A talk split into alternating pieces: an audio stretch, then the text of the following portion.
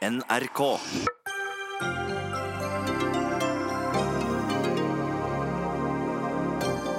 I dag åpnet eh, statsministeren Norges tredje største oljefelt med pomp og prakt. Det må bli den siste store oljesatsingen, sier Venstres Guri Melby, og møter Equinor i Dagsnytt 18. Det bør få konsekvenser for Utlendingsnemnda når de feilaktig tvangsutsender asylsøkere som ender opp i fengsel i hjemlandet, mener Norsk organisasjon for asylsøkere. Selv om det er blitt dyrere å ha boliglån, har det ikke blitt særlig gunstigere å spare penger. Norske husholdninger blir flådd av bankene, ifølge Forbrukerrådet.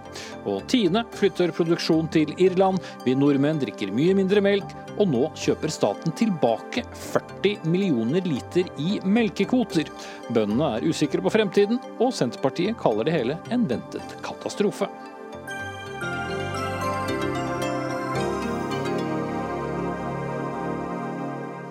Ja, dette er eh, tirsdagens Dagsnytt 18. Jeg heter Espen Aas, og senere i sendingen skal vi også innom Weinstein-rettssaken i USA, og også utviklingen i Iran.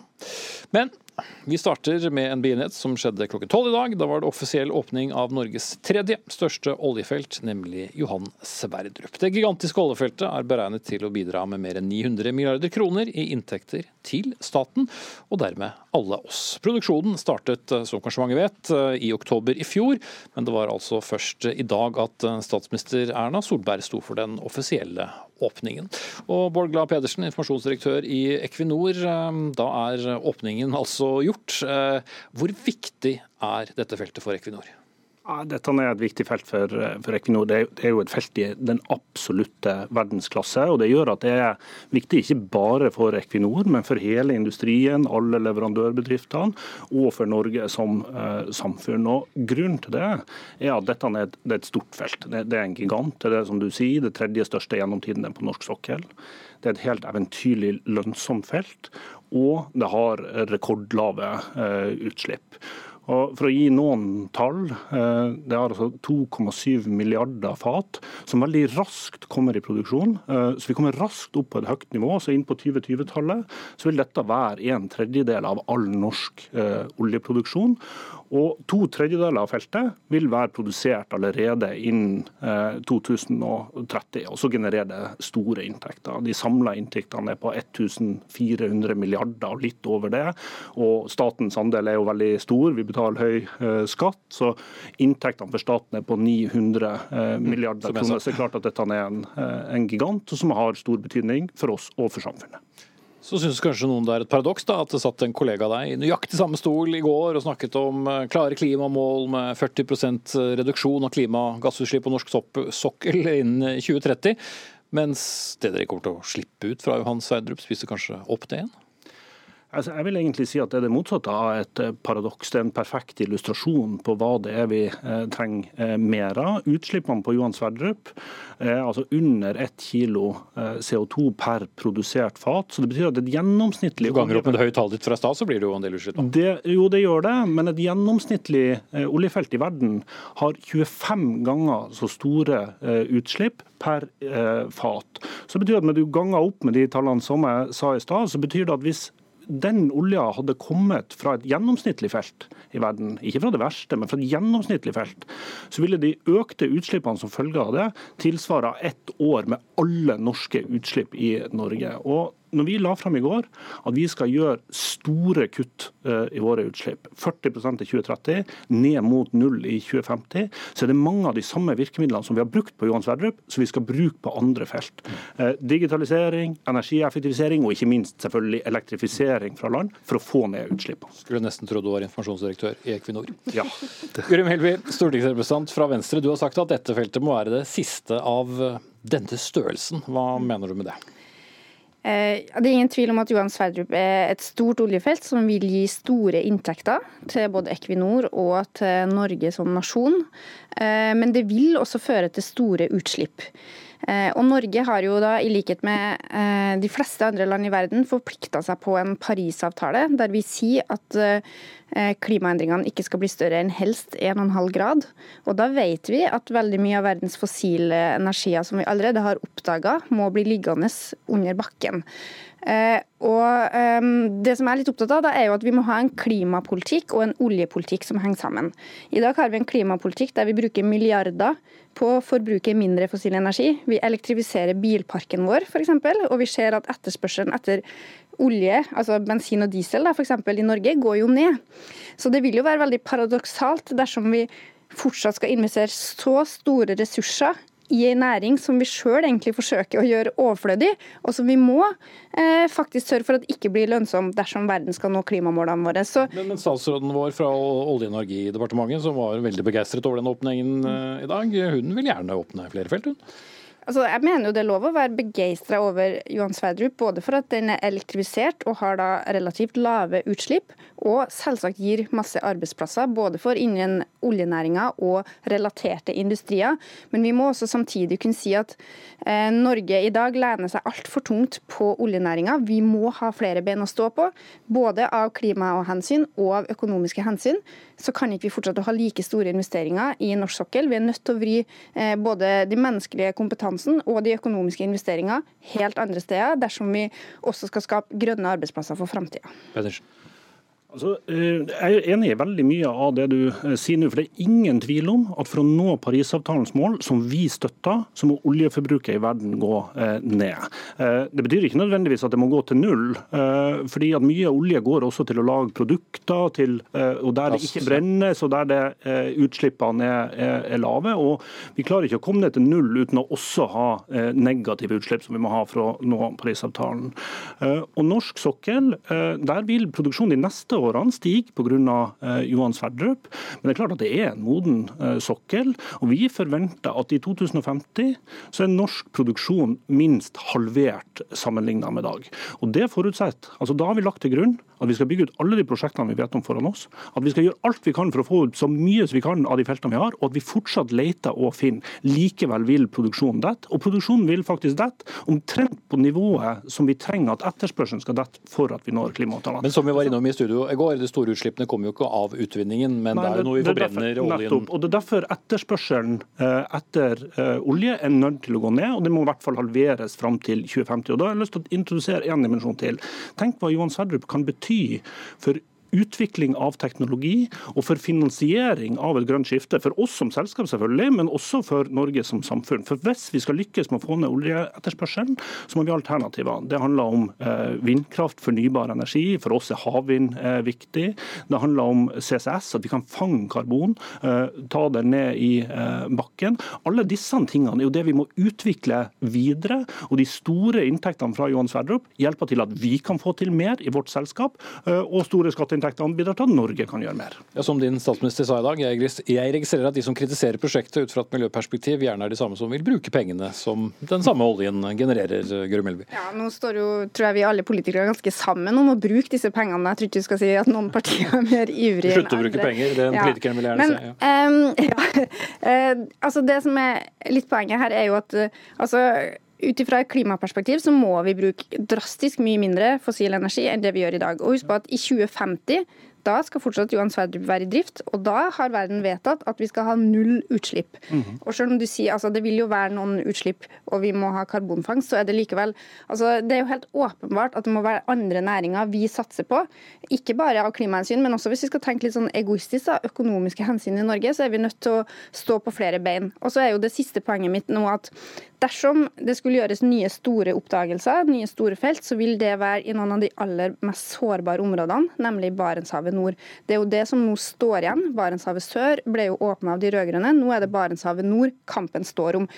Og jeg syns jo at det er bare tøys at vi skal nå åpne opp helt nye områder for oljeleting, når vi vet at vi allerede har funnet mer enn det verden kan forbruke dersom vi skal nå klimamålene våre. Så jeg skulle jo ønske at Equinor og andre selskap eh, stoppa denne jakten etter stadig nye områder, når det er de aller mest sårbare områdene vi har. Kampen om Barentshavet blir det neste Lofoten, Vesterålen og Senja. Men det er altfor mye penger i et uh, mulig nytt funn der til at uh, dere ville la være å, å, å eventuelt bore det, det, presist. og Det Guri Melby sa, er jo at i 2050 så må vi ha netto null utslipp. Og, vi, og, og Bunnplanken i Parisavtalen er at alle må begynne med seg selv, kutte sine egne utslipp. og Vi har sagt at vår ambisjon er å kutte våre utslipp til dette tilnærma null. Og så må vi også ha negative utslipp. Vi skal bidra til det gjennom karbonfangst og -lagring.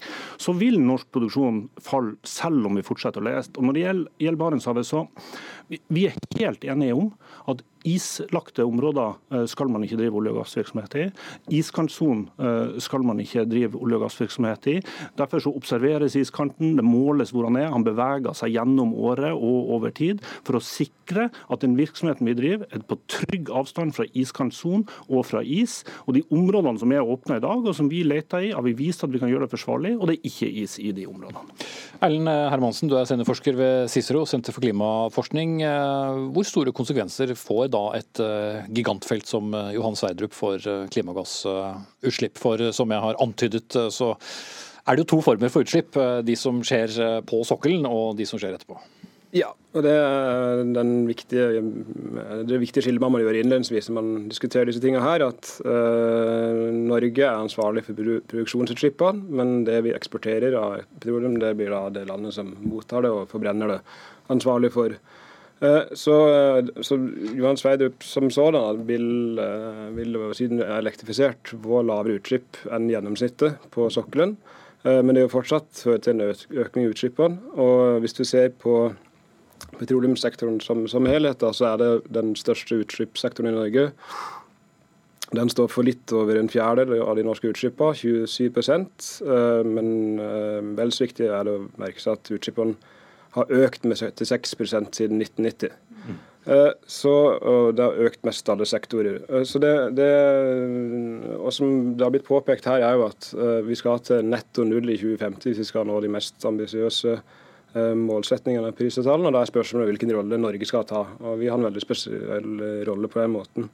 Så det jeg lurer litt på er altså Equinor har jo sagt at 15-20 Altså i, det, I det bildet der så skal da 15-20% av porteføljen uh, være investert i fornybar innen 2030.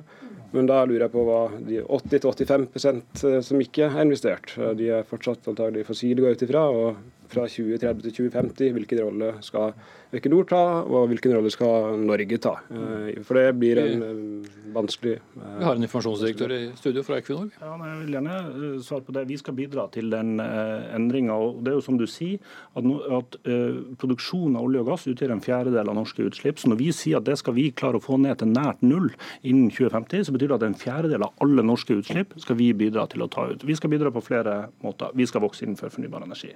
Og vi er foran rute for å nå våre mål. Eh, bare de Men det må lønne målene. seg også? Ja, selvfølgelig må det det. Og hvis ikke det grønne skiftet lønner seg, så kommer vi ikke til å klare å få det til. Eh, så, så det, det, det, må vi få til. Eh, og i Norge har vi jo en klimapolitikk som gjør det mulig. Vi har CO2-avgift, vi har med i EUs kvotesystem, vi har positive ordninger som NOx-fondet. Dette er jo med til at vi kan gjøre de kuttene. Men vi skal bidra på flere måter. Vi skal vokse innenfor fornybar energi. Vi skal kutte utslippene fra produksjon av olje og gass. Vi er en tydelig pådriver for pris på CO2 for å få ned etterspørselen uh, etter olje og gass. Og så har jeg lyst til å si en viktig ting til som Norge kan bidra på, og det er karbonfangst og -lagring. Det prosjektet som vi jobber med nå, på karbonfangst og -lagring, det handler om å ikke ta våre utslipp. Det handler om å ta utslippene fra andre industrier, lagre det under Nordsjøen. Sement er noe av det viktigste vi trenger også for å bygge ut fornybar energi. Det er helt umulig å fjerne CO2-utslippene fra produksjon av sement, unntatt hvis man klarer å fange CO2-utslippene, ha de ned under bakken. Tenk hvis vi kan få til det. Det har vi lyst til å være med på. alle venter på. Venstre og Melby. Altså et viktig stikkord som du sa, Bård, det var jo hva er det som er lønnsomt. Og Vi må sørge for at det grønne skiftet blir lønnsomt. Og Der har jo vi politikere et viktig oppgave. Det å sette en høy nok pris på CO2 er jo kjempeviktig, og en viktig driver vil jeg tro, blant mange av de satsingene som Equinor nå gjør. Det er rett og slett for dyrt å slippe ut så mye som det dere gjør nå. Og Det er, altså det er ikke bare Equinors valg, det er et politisk oppgave. Og Det som er det neste store grepet vi er nødt til å se på nå, er jo hele systemet rundt olje oljenæringa vår, eh, både når vi snakker om skattesystemet og andre ordninger. Eh, for vi kan jo med bruk av politiske virkemidler sørge for at det er færre felt som blir lønnsomme enn det som er lønnsomme i dag. Og det vi må sikre er jo at Men Du må sikre feltene, inntektene samtidig, da. Ja, men de feltene som det er knytta mest klimarisiko til, og mest risiko knytta til sårbarhet for natur, må vi sørge for at ikke blir lønnsomme, slik at vi ikke får eh, store oljeutvinninger som verden ikke trenger eller ønsker. Dette, helt, dette tror jeg er nemlig kjernen. Fordi det betyr at vi må få etterspørselen til å dekkes med de feltene som kan produseres med lavest utslipp. Og så må etterspørselen også gå ned, som betyr at vi må fremskaffe alternativer. Og det å ha en kostnad med utslipp, klart at det er en driver for de endringene vi kan gjøre, at det er mulig for oss å få dette uh, til. Og Det er jo fordi at vi har den klimapolitikken i Norge som, som virker, bidrar til å skape de endringene. Dette er det vi trenger mer av i verden. Veldig kort til slutt, eh, Hermansen. Det er jo der det også blir spennende for å se når disse aksene møtes, når oljeutvinning, som gir oss så store inntekter i dag, ikke er fullt så lønnsom og det finnes fullgode alternativer. Det var Johan Sverdrup i dag, og hvem var han, Guri Melby? For det var jo en venstremann. Ja, det er jo parlamentarismens far. Jeg tror jeg har en eh, bilde av han på kontoret mitt til og med. Og Venstre har jo stemt for Johan Sverdrup i Stortinget, så en ja, viktig del av forutsetning av elektrifisering. Ja, og jammen var han pressemann òg. Takk til Bård Glad Pedersen, informasjonsdirektør i Equinor, Guri Melby, stortingsrepresentant fra Venstre, og Erlend Hermansen, seniorforsker i Cicero. Dagsnytt 18 alle hverdager kl 18.00 på NRK P2 og NRK2.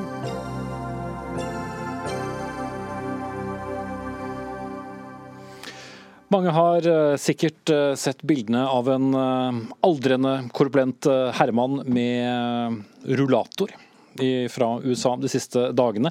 I går startet nemlig rettssaken mot den tidligere så mektige filmprodusenten Harvey Weinstein i New York, hvor han altså nå står foreløpig tiltalt i to saker, en voldtekt fra 2013 og et tilfelle av tvunget oralsex fra 2006. Weinstein ble jo kjent som en persona non grata i Hollywood etter at flere kvinner sto frem og anklaget ham for seksuell trakassering og voldtekt i 2017. Og det hele sparket jo, som vi vet, i gang det som i dag omtales som metoo-bevegelsen. Og rundt 80 kvinner og noen menn har kommet med anklager mot ham, deriblant kjente navn som Gwyneth Paltrow og Angelina Jolie.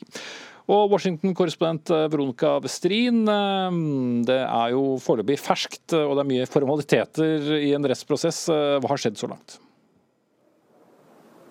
Han kom jo da retten i, med denne rullatoren og ble møtt Eh, etter en ryggoperasjon han har vært gjennom, ble møtt av en rekke kvinner, skuespillere, som har anklaget han for eh, seksuell trakassering eller overgrep. Eh, I går så var det en timeslangt rettsmøte som var mer prosessuelt, og hvor man gikk gjennom veien videre. Men samtidig da, så kom det jo to nye siktelser fra Los Angeles i går, hvor han også da er siktet for voldtekt og seksuelt overgrep, som skal skje dagen etter. Mm. Weinstein har jo hele tiden sagt at han ikke er skyldig i noe kriminelt. Eh, hvordan forklarer han da alle disse sakene? Ja, Han har jo eh, sagt at eh, den seksuelle aktiviteten skal ha skjedd ved samtykke. Han har beklaget oppførselen sin, eh, men sier da i et intervju med CNN at han har gått gjennom rehabilitering, og at han vil bruke denne rettssaken til å bevise sin uskyld og renvaske sitt navn. Så nå skal det være to uker med juryutvelgelse først, før man så venter at denne rettssaken kommer til å pågå pågå helt eh, til mars. Som jeg nevnte, så er det altså over 80 stykker som har varslet uh, om uh, men det er bare to saker som går for retten nå. Hvorfor det? Det er jo eh, noen av dem som har stått fram, vil jo ikke eh, ta den videre i rettssystemet. Eh, noen saker ligger utenfor, eller mange saker ligger utenfor New York, og andre har vært foreldet. I tillegg så har det vært noen som har inngått forlik med Weinstein. Men det er jo også mange av anklagerne som kommer til å møte opp, da. Er det venta på vitnelista i denne saken? Mm. Sofie Høgestøl, førsteamanuensis ved Universitetet i Oslo, du har også studert av strafferett uh, i uh, USA. Blir det da bare starten, disse to sakene, og, så fortsetter det, eller hvordan fungerer dette? Ja, altså vi, vi, så det litt i dag. For I dag kom det jo frem at Los Angeles, statsadvokatene der, har jo igangsatt en ny sak mot han, som da vil måtte gå i etterkant av den saken vi ser i New York nå. Så det ligger jo til rette for at det kan bli flere saker med tidene. Jeg tror det vi, det vi ser i denne saken her, i og med at man har valgt ut to stykker, altså to fornærmede, det. Og det er bare fem tiltalepunkter. Så har man valgt en ganske fokusert sak, i håp om at det kan eh, føre frem til en domfellelse. Og så kan man eventuelt bygge på den saken videre. Mm. Eh, og da vil det vel være ja, mer enn en uh, viss spenning til hvordan nettopp disse sakene ender, mm. før det eventuelt ruller videre. Ja, det blir jo en symbolsak. Jeg tror også det har vært viktig for statsadvokaten i New York. for Jeg leste i romjulen eh, boken til Rowan Farrow, som var en av de, som var en av de journalistene som virkelig etterforsket saken og har vunnet masse priser for den journalistikken han produserte på Weinstein.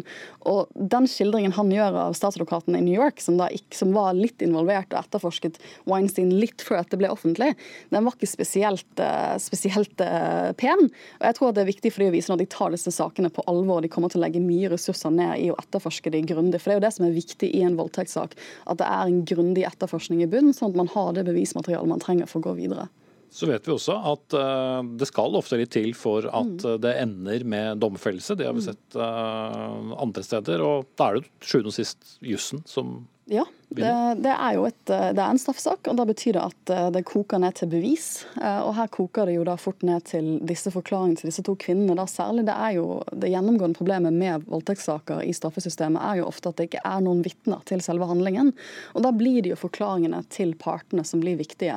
Og derfor er en av de viktigste seierne for statsadvokatene så langt, det er at de har fått lov til å føre vitner av disse andre kvinnene som har anklaget Harvey Weinstein for seksuale overgrep, som ikke er med i tiltalen eh, som er for retten nå, men de kommer da altså til å vitne om dette mønsteret, altså måten han har oppført seg over lengre tid, for å støtte troverdigheten til de to kvinnene som har anklaget ham. Kommentator Inger Merete Hobbelstad fra Dagbladet, du er med oss fra Bergen. Dette er jo den virkelig store og mest profilerte metoo-saken. Men dersom Weinstein skulle frikjennes, hvilke ringvirkninger for det?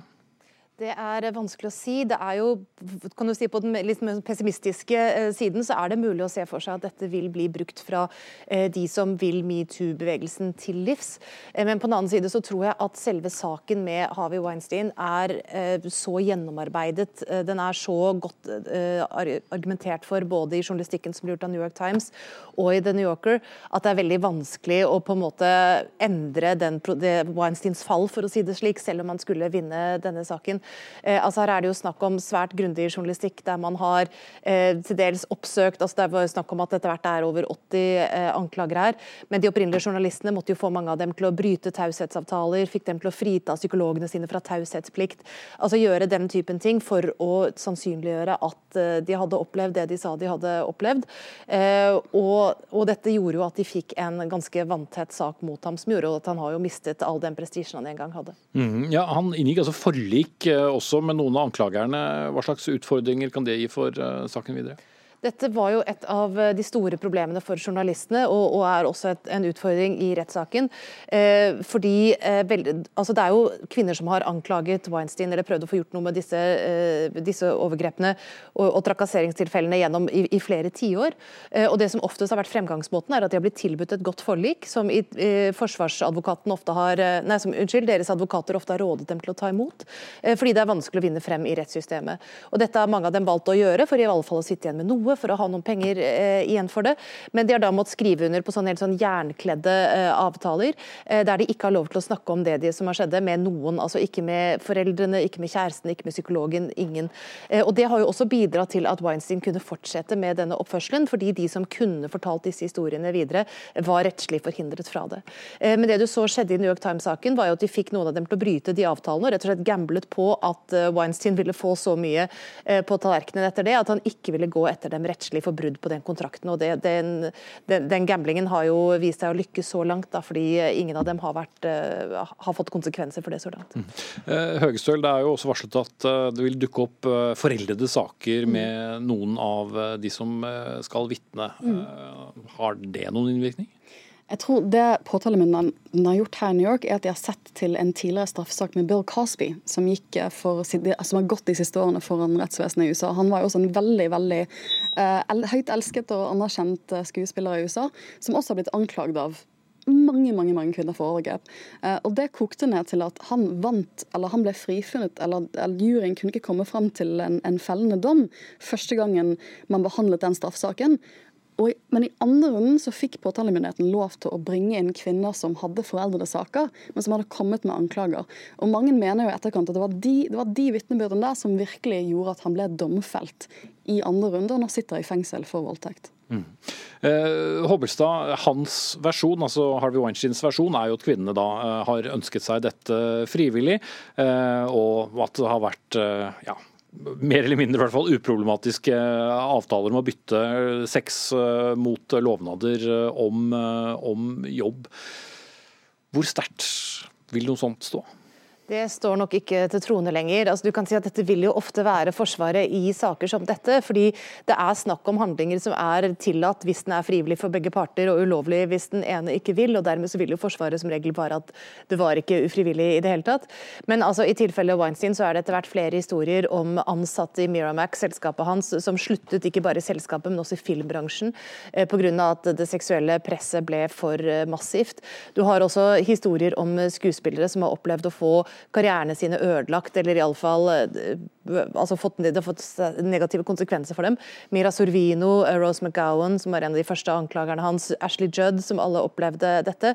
Så du kan si at når noen har makten på den ene siden og, og gi deg roller som kan eh, skape karrieren din i, i, en av verdens mest konkurransepregede bransjer altså Dette var jo mannen som laget de store Oscar-filmene på 90-tallet, 'Shakespeare in Love', 'Den engelske pasienten', disse filmene som mange husker.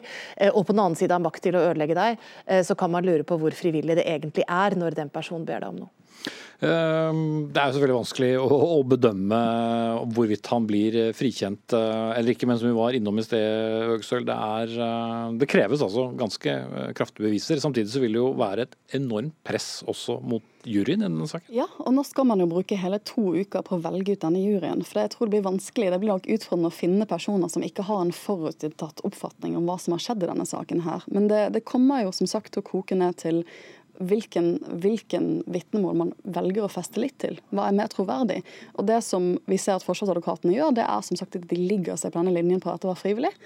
Og det skaper jo tvil om forklaringen til kvinnene. Eh, så jeg tror at dette blir en, en vanskelig sak for påtalemyndigheten, men som sagt noe de har jobbet ganske lenge med.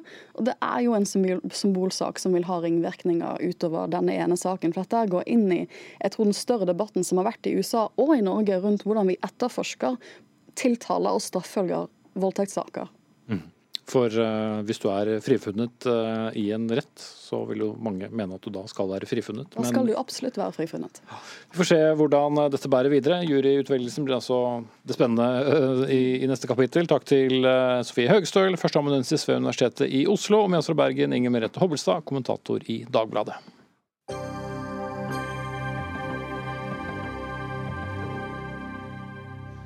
Hvorfor blir det ikke høyere rente på innskudd når det blir det på banklån? Og det skal vi snakke om litt senere i sendingen, men eh, nå skal vi snakke om saksbehandlingsfeil hos Utlendingsnemnda UNE. Det kan i verste fall bety mange år i fengsel for en tvangsutsendt asylsøker. Blant annet ble en mann dømt til ti års fengsel i Rwanda da han ble sendt tilbake. Feilen er beklaget, men eh, får ingen konsekvenser for UNE direkte, noe de burde få, sier du til avisen Vårt Land, generalsekretær i NOAS Ann Margrit Austnå. Men hva slags konsekvenser skal en saksbehandlingsfeil kunne få? Jo, det bør få den konsekvens at eh, regjeringen følger opp eh, sitt eget løfte fra 2014 i asylavtalen med KrF og Venstre eh, lovet regjeringen Solberg å jobbe fram en, eh, en, faktisk å sikre en bedre klageordning for utlendingssaker. Eh, og det har de da ikke gjort noe som helst med. De satte ned et utvalg som utredet om det burde opprettes en egen domstol for utlendingssaker. Eh, Graver-utvalget, som det het, eh, konkluderte i mars 2017 med at eh, det anbefalte de ikke. Men de kom med to klare kritikker av Utlendingsnemnda og advarsler om fare for rettssikkerhet, nettopp ved at asylsøkere i for liten grad får mulighet til å møte i UNE, i nemndmøter, og forklare seg. Rundt 6% bare får den muligheten. Og at det gjennomgående er det for lite kontradiksjon, som det heter på juridisk språk. Altså at det er ikke en reell topartsprosess. Det er ikke likhet i partenes muligheter for å argumentere for sitt syn og forklare sin vurdering av saksforholdet. Men hva vet du om hvor stor feilbehandlingsprosent det egentlig er eh, hos UNE? da? Det er jo vanskelig å vite noe sikkert, fordi at det er så veldig få av de som får vedtak de mener er veldig feil eh, fra UNE, som har muligheter for å prøve det rettslig. NOAS har hatt et domstolsprosjekt gående, hvor vi samarbeider med elleve advokatkontorer som fører saker eh, pro bono, altså gratis eh, for oss. Prosessen, vi forbereder det. Og siden vi startet opp i 2015, så er det 45 eh, avsluttede saker i rettsvesenet, og av de har 26 saker fått endret utfall. Så altså 60% Noe som tilsier at dette er jo bare toppen av av et isfjell? Kanskje. Eh, men, men, det er jo det vi ikke vet. Og det er, det er, jo det at det kan ha så dramatiske konsekvenser for den det gjelder, når det gjøres feil i UNE.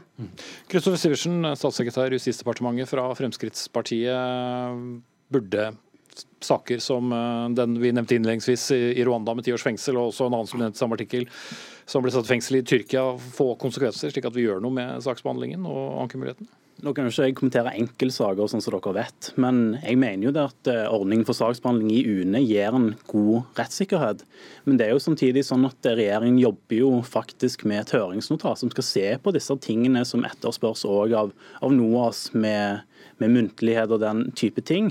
Men vi ser jo samtidig også at når NOAS kommer med kritikken sin, så bruker de jo enhver anledning til å rette kritikk mot den politikken som Frp har også fått gjennomført i regjering.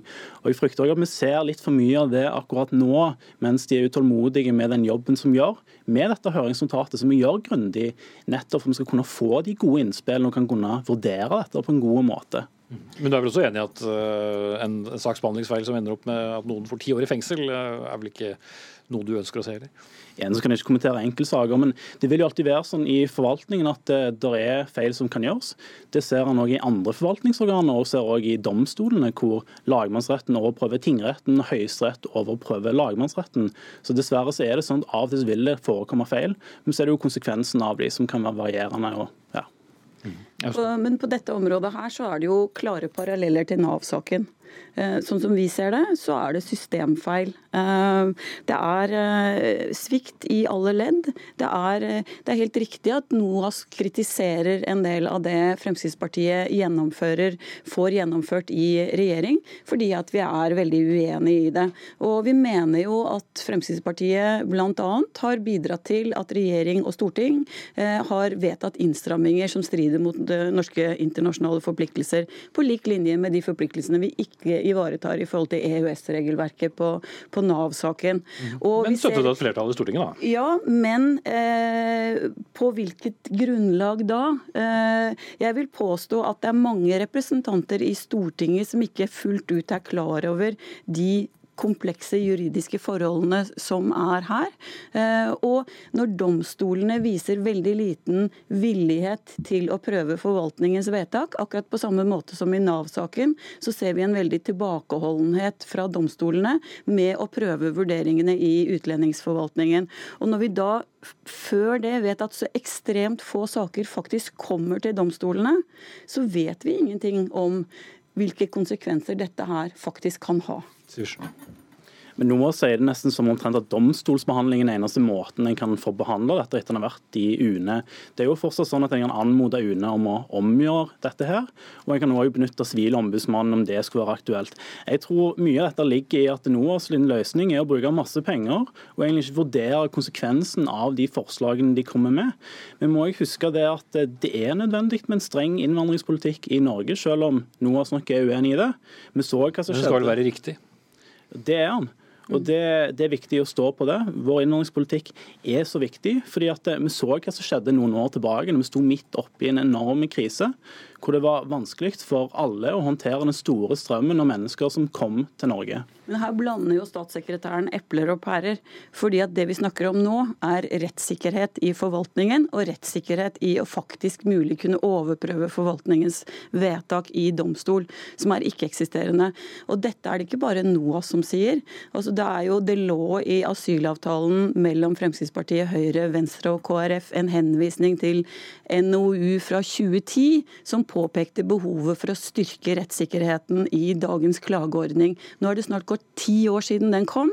Det er snart gått seks år siden dere forpliktet dere til å sikre en bedre klageordning. Dette dreier seg om rettssikkerhet, og jeg kan ikke fatte at Fremskrittspartiet er imot rettssikkerhet.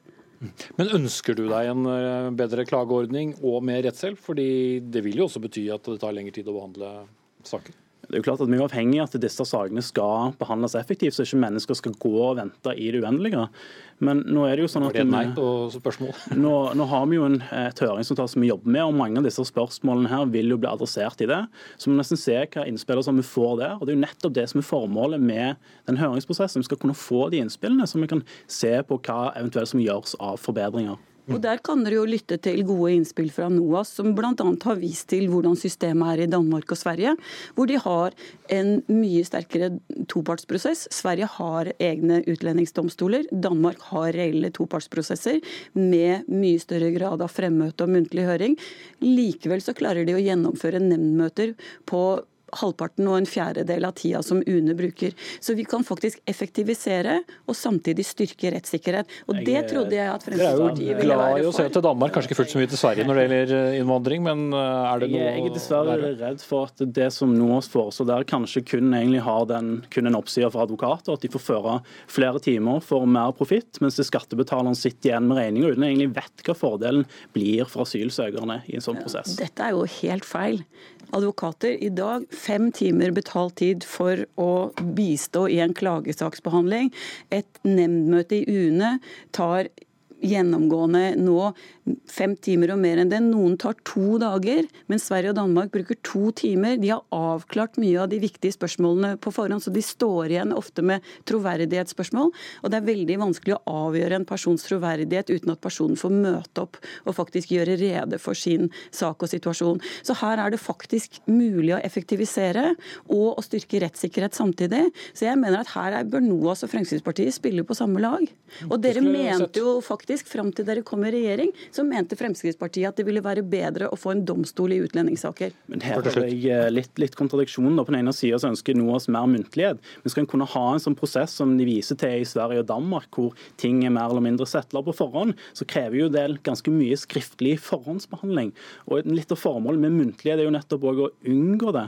Hvis det er egentlig en skriftlig forhåndsbehandling NOAS ønsker, så er det noe helt annet. Jo, men Det dreier seg om hva muntligheten går på. Vi erfarer når vi er i nemndmøter med våre klienter, at UNE bruker lang tid på ting som ikke går direkte på saken, som kartlegger hva slags nettverk en person har. Når det dreier seg f.eks. om en konvertittsak i Afghanistan, så er det helt uinteressant hva slags okay. nettverk og når besteforeldre har dødd i forhold til er personen en kristen, ja da er du i fare. Ja, jeg kan ikke gå inn i alle detaljer. Eh, arbeider er i hvert fall på gang, så får vi se om vi møtes igjen for å snakke om det som kommer der. Kristoffer Sivertsen, statssekretær i Justisdepartementet fra Fremskrittspartiet, og Anne Margrethe Austnå, generalsekretær i Norsk organisasjon for asylsøkere.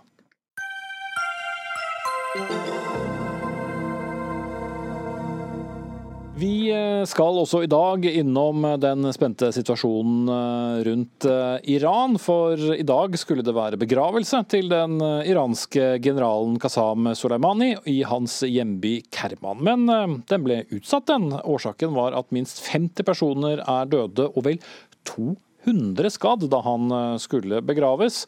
Eh, han ble som kjent eh, drept av amerikanske droner 3.1 i Iraks hovedstad Bagdad fredag, av hensyn til sikkerhet, som Donald Trump har sagt. Sissel Wold, korrespondent i Istanbul, du har fulgt med på det som skulle være en begravelse, men som ble en tragedie. Hvordan klarte man å ende opp i så mange døde og så mange skadde?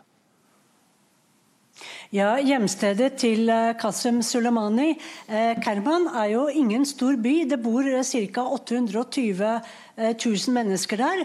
Men det kom folk fra hele Iran, så det var minst én million i gatene i denne byen, som da ikke er så stor. Det oppsto trengsel, og så fikk folk panikk, og mange ble rett og slett trampet i hjel. Og myndighetene greide ikke å kontrollere det som skjedde. Så han skal begraves så snart det er mulig, og så snart det er sikkert for folk å ferdes der, enten i kveld eller kanskje i morgen. Dette er jo en uh, sak der selvfølgelig iranske myndigheter uh, melker det de kan ut av, uh, av denne situasjonen i den propagandakrigen som, som foregår samtidig, selvsagt. lederen for den regimetro revolusjonsgarden, Hussein Salami, som da var en av de som talte til de fremmøtte, bygger også opp mot da et slags sånn oppgjørets time. Hva slags retorikk la han seg på? Ja, Han snakket om at eh, drapet må hevnes. Og i disse enorme massemønstringene vi har sett nå i flere dager, så har veldig mange gått med røde flagg. Og de røde flaggene i shia-islam er et uttrykk for eh, et ønske om hevn. Og alle disse enorme folkemengdene som ingen hadde trodd skulle eh, skje. Man trodde jo ikke at så mange mennesker ville møte opp. Dette bygger seg jo opp til et svar som det iranske regimet må gi. Og eh, i dag så er det en, eh, en iransk eh, kommandant, en som ikke vil være, en som vil være anonym, som sier at det iranske lederskapet har nå 13 punkter på menyen, for å bruke det ordet, muligheter de har for å gjengjelde. Men øverste leder Ali Khamenei har nå sendt ut sølvstrupen sin, det er sølvtungen sin, det er jo utenriksminister Javad Zarif, og han har sagt at Iran kommer til å gjengjelde proporsjonalt med hva USA gjorde mot Iran. Men Iran vil eh, eh, eh gjøre dette når det er eh, passende tidspunkt eh, for å gi et svar til USA. Og Jeg leste ham dit hen at det kanskje vil bli et militært svar, ikke bare diplomatisk, som noen kanskje har håpet på. Til slutt, eh, Sissel Wold. Eh, tidligere i dag, eller i morges snarere, ble det også kjent at eh, USA nekter Irans utenriksminister innreise, slik at han ikke fortalt i FN. Hva slags reaksjoner er kommet på det? Ja, Utenriksminister Jawad Zarif har sagt at dette er jo ulovlig. Dette strider med FNs avtale med USA. USA huser jo eh, verdensorganisasjonen og har undertegnet eh, på det at de må slippe inn eh, diplomater og ledere for land som er medlemmer i FN. Og, og med dette så er det jo også prinsipielt og symbolsk en avvisning av diplomatiske kanaler, fordi eh, Javad Zarif er en av eh, Irans mest kjente diplomater, og også en av verdens mest aktive utenriksministre. Takk til Sissel Wold i Istanbul. Hør Dagsnytt 18 når du vil. Radio NRK Radio.nrk.no.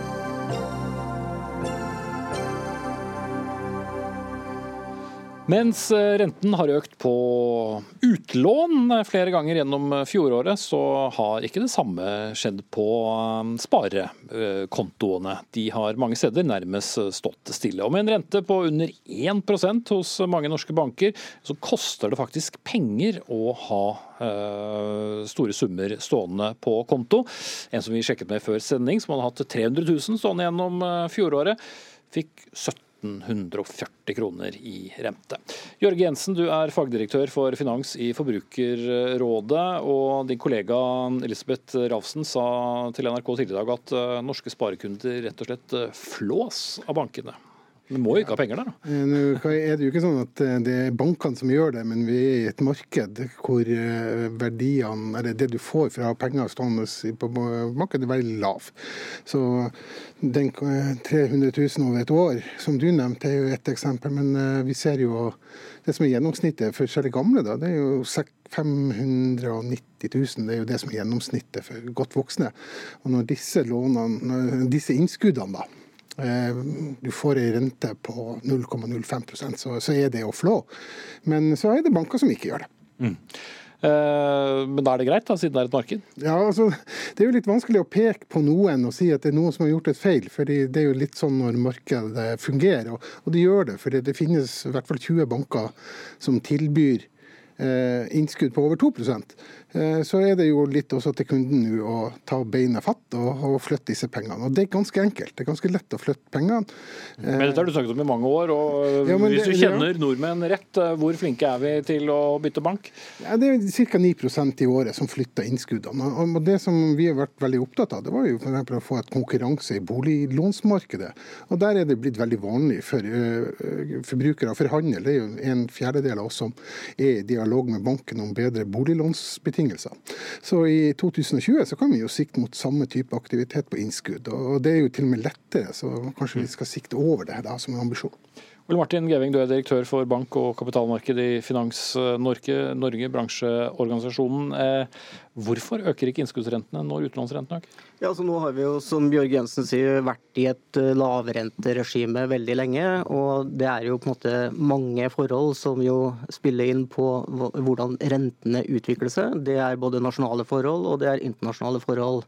Eh, og så er det jo, som Jørge også påpeker, det er en stor variasjon i hva som tilbys på ulike spareprodukter i markedet. Så... Jo, det skjønner jeg, men som jeg spurte om, hvor, altså, i og med at innskuddsrentene gikk ned samtidig som utlånsrentene gikk ned. Hvorfor er det ikke den samme effekten når utlånsrentene går opp? Men Det som er interessant for eh, bankenes del, er jo det som er differansen mellom eh, det, det man betaler for å låne penger inn, og det man jo eh, tjener på å låne penger ut. Og Det er en differanse som har vært veldig stabil over tid. Og Det er jo et tydelig argument om at bankene flår ikke kundene sine. Dette, dette er på en måte en relativt stabil differanse mellom det det koster å låne penger, og det du får betalt for å ha innskudd. Men i og med den innskuddsrenten da har stått mye mer stille enn det boliglånsrenten har gjort, da må vel også bankene nå ha begynt å eh, tjene mer på å ha en høyere margin? Vel, det er banker som har også satt opp Eh, innskuddsrentene sine. Og hvis man er aktiv i markedet, så vil man nå finne innskuddsrenter som er ganske gode også blant uh, norske banker. Mm. Men det er riktig at en del banker tjener nå uh, mer penger ved at innskuddsrenten ikke er satt opp like mye som utlånsrenten? Det som er riktig, er at den har økt noe i forhold til Nibor, som jo er en tre måneders pengerente, altså en veldig kort rente i det norske markedet. Mens rentedifferansen, altså det bankene faktisk tjener på å drive bank, det er ganske stabilt. Eh, for å sitere Dagens Næringsliv, bankene har aldri tjent like godt på innskudd på minst ti år, skrev de i går. Var det en riktig analyse? Bankene tjener godt i Norge fordi at man driver effektivt, leverer gode tjenester, har lave tap. Eh, og så er det på en måte også konkurranseforhold som jo spiller inn her. Eh, og det vi har sagt, og som jo i likhet med Forbrukerrådet også påpeker, er jo at forbrukerne må også være aktive i markedet. For det er fullt mulig å få ganske gode eh, rentevilkår også på eh, låneinnskudd i Norge. Mm. Hørte finansminister Siv Jensen her i NRK i morges oppfordre bankene til å gjøre noe med dette med denne innskuddsmarginen. Støtter du det, Jensen? Ja, jeg tror det som er løsninga på problemet, i og med at vi har et marked, og vi har egentlig ikke noe prisregulering på, på denne type produkter. Eh, det er jo at eh, de som har bankinnskudd, eh, finner seg leverandører som har en bedre tilbud. Og Dette er jo en slags oppfordring som går til de eldste, for det er jo de eldste blant oss som har mest innskudd i banken, og det er de som på en måte beveger markedet eh, mest. Men samtidig så er det jo de som kanskje føler minst begeistring for å bytte bank etter mange år. Med så får du beskjed om at du skal få ny nettbank og ny kodebrikke og ny innlogging, og så ser du øynene flyte ut, og så blir eh, pengene der de står. Men det som er med, med, med bankinnskudd, så er det veldig lite sånne ting som skal må ekstra skje da. Du kan ta pengene og så flytte. og Hvis man ønsker å ha relasjon til sin bank, så kan man jo ta deler av det. Så vi trenger egentlig en en kontingent forbrukere som, som bidrar til å lage konkurranse i innskuddsmarkedet. Eh, og så får jo bankene eh, følge etter. og Når vi bruker forbrukermakta, så, så, så sitter dette. Mm. Men det er eh, bankkundenes egen skyld? Det er det Jeg vet ikke om vi skal bruke ordet skyld. for Når det er priser som fastsettes i et marked, så er det veldig vanskelig å si at det er én gruppe som har forårsaka forholdet. Men vi vet hva løsninga, den langsiktige løsninga er jo at kundene tar sine penger og går til der det er best betingelser. Og eh, Vi er jo også velsigna i Norge med at vi har en innskuddsgaranti. sånn at det, det, å flytte inn pengene i en bank du kanskje ikke har vært i før, det, det er en mindre fare så lenge du er under to millioner kroner.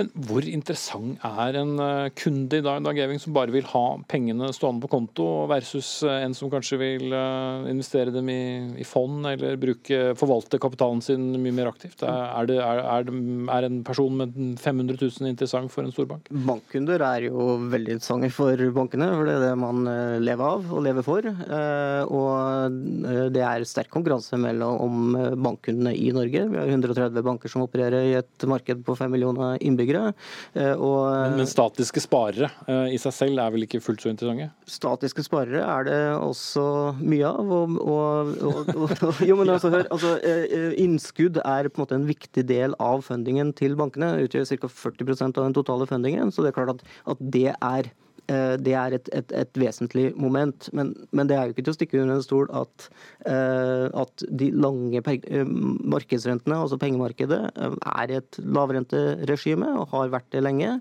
Og det reflekterer jo også de innskuddsrentene som tilbys fra bankene. Mm. Det ble et langt svar.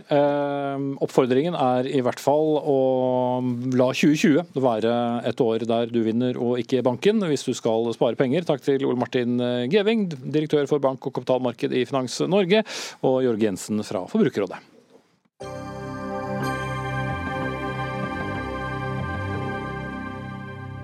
Nå skal vi eh, snakke om eh, melk, for staten skal kjøpe tilbake 40 millioner liter i melkekvoter og kutte kutte 60 millioner til, etter at bl.a. Jarlsbergosten har mistet sin eksportstøtte. Den skal Tine nå i stedet produsere i Cork i sør på Irland, og i tillegg til dette så drikker vi nordmenn nå så langt mindre melk.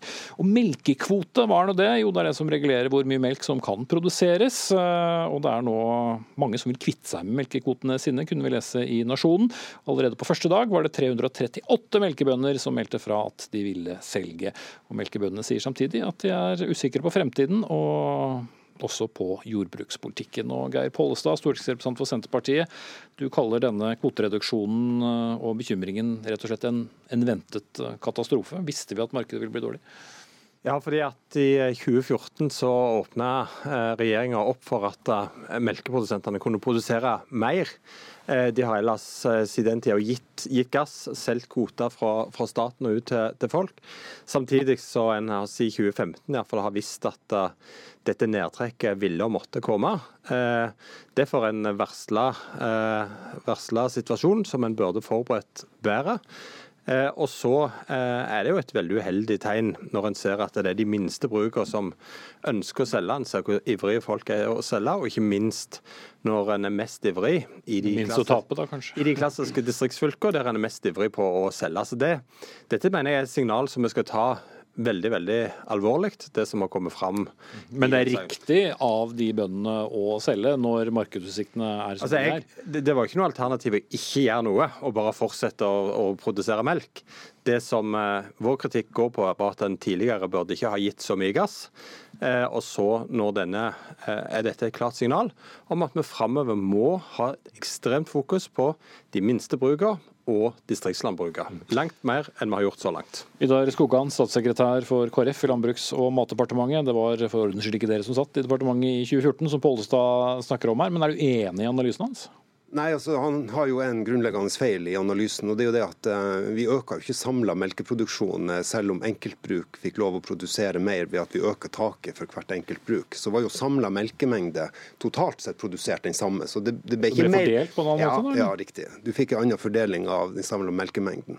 Og Vi har jo et veldig velfungerende system i Norge hvor du kan regulere melkeproduksjonen opp og ned i forhold til de analysene som Tine har om forventa avsetning. Og Det er ekstremt viktig i all landbruksproduksjon at man faktisk produserer det som er etterspørsel. Eller så kommer man i trøbbel med, med inntekt og den typen ting. Og så vil jeg også bare si... Jo, jeg må bare stoppe deg her, for Det vi da nå ser, er jo at staten må bruke masse penger på å kjøpe bak en masse melkekvoter.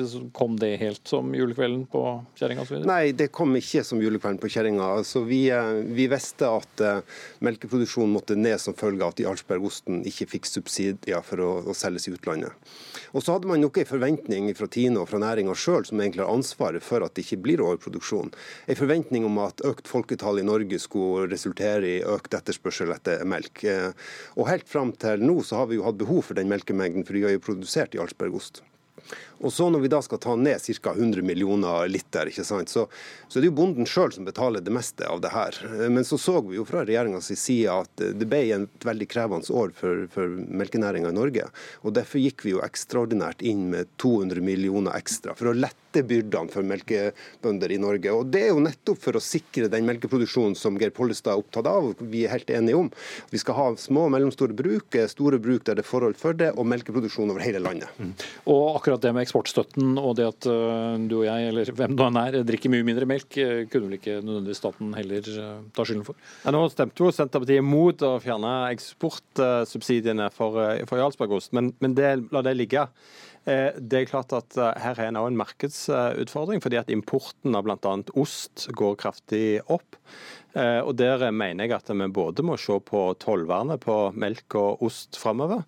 Det er ikke det ganske høyt som det er, da? Det er, det er høyt, men det er viktig å beskytte norske arbeidsplasser og norsk eh, landbruk. Eh, det var mye støy eh, under forrige regjering når vi økte ostetollen. Jeg mener at en må vurdere om det er mulig å gjøre flere grep for å trygge det. Og så må en jo appellere til forbrukerne om at de skal velge norsk yoghurt og norsk ost, fordi at det handler om norske arbeidsplasser, det handler om norske bygder.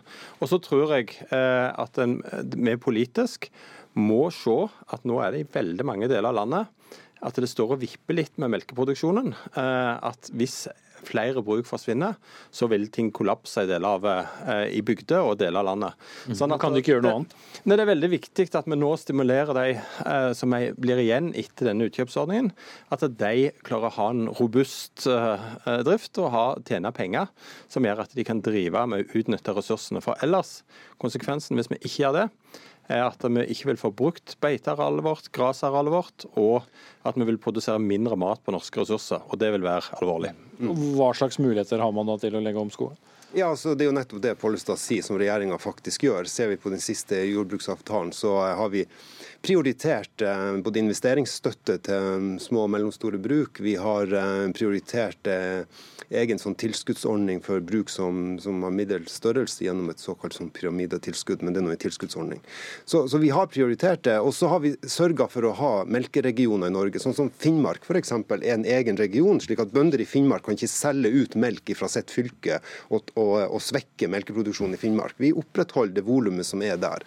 Og Det er en viktig del av distriktspolitikken som den regjeringa viderefører og står fast ved. Men når 338 bønder på dag én nærmest løper for å få solgt melkekvotene sine. Forteller det også om en litt uh, panikkfølelse i, blant melkeprodusentene? Nei, jeg tror ikke det er en panikkfølelse. fordi Det vil være et, et krevende mellomår for melkenæringa i Norge. Men med en gang vi får balanse i markedet igjen, eh, så vil jo de gjenværende bøndene ha god inntjening som, som tidligere i melkeproduksjonen. Så dette vil være en krevende overgang. Mm. Men det, mange det må da slutte med melk, ja. åpenbart, siden de selger melkekvotene. Og da er det ikke gitt at det blir landbruk som uh, blir levevei videre? Nei, men per i dag så vet vi jo ikke hvor mange av de 330 som har solgt, er, er såkalt uh, passive eiere. Altså eiere som ikke driver sjøl, men har leid ut kvoten. Det kan være en del som faktisk har benytta anledningen å selge. fordi at vi gikk jo ut med en, en ganske grei markedspris, nettopp for å hente ut eh, de som hadde tenkt å slutte fordi at de hadde gamle eh, driftsbygninger. Vi har et eksempel i Nasjonen i dag hvor man ikke ønsker å investere på nytt fordi at man har et litt nedslitt bruk. Så jeg er egentlig veldig fornøyd med at vi fikk den responsen vi fikk, eh, og den var planlagt. Men er det alle disse her caffè latte-drikkende folkene innenfor Ring 3 som har ødelagt? Det er jo ganske store tall. altså Vi drikker mye mindre melk plutselig også, Geir Pollestad. Det er vel bare en naturlig utvikling, da? eller? Ja, så det er jo, Forbruksutviklinga er jo, må en jo forholde seg til. Eh, men jeg tror jo at det er viktig. Jeg mener jo at folk som drikker kaffe latte, de må gjerne pøse på med melk i, melk i kaffe. Ikke havremelk og soyamelk. og men den melka, hvis en skal tenke på klima og miljø, så vil jeg anbefale melk fra norske kyr, og ikke det produsert på på mandel eller andre ting vi har importert til landet. Og så mener jeg at når en står i ostedisken eller en står i yoghurtdisken, eh, det å oppfordre norske forbrukere til å velge norske produkt, det handler om norske arbeidsplasser, det handler om eh, levende kulturlandskap, og det handler om eh, arbeidsplasser i næringslivet. Utbudet av andre oster er vel ikke enormt i norske dagligvarer, er det det? Nei, men vi spiser Altså det tilbudet av importert oste er betydelig, og det er bra. Men det er òg rom for at vi velger det som er de ostene vi spiser mye av, og særlig yoghurtproduksjon, som jo er eh, mye likt, eh, at vi der velger norske eh, produkter. Det tror jeg er veldig veldig viktig. Og så vil jo jeg slå et slag da, for kumelka framfor mandelmelka. Ok, eh, Da skal vi ikke gråte over verken mandelmelk, spilt mandelmelk eller kumelk nå, men takk av Vidar Skogan, statssekretær i Landbruks- og matdepartementet fra Kristelig Folkeparti, og Geir Pollestad, som er stortingsrepresentant fra Senterpartiet. Det var Dag Dørum som var ansvarlig for denne sendingen. Erik Sandbråten tok seg av det tekniske. Jeg heter Espen Aas, og i morgen er Sigrid Elise Solum tilbake med en helt fersk ny Dagsnytt 18-sending.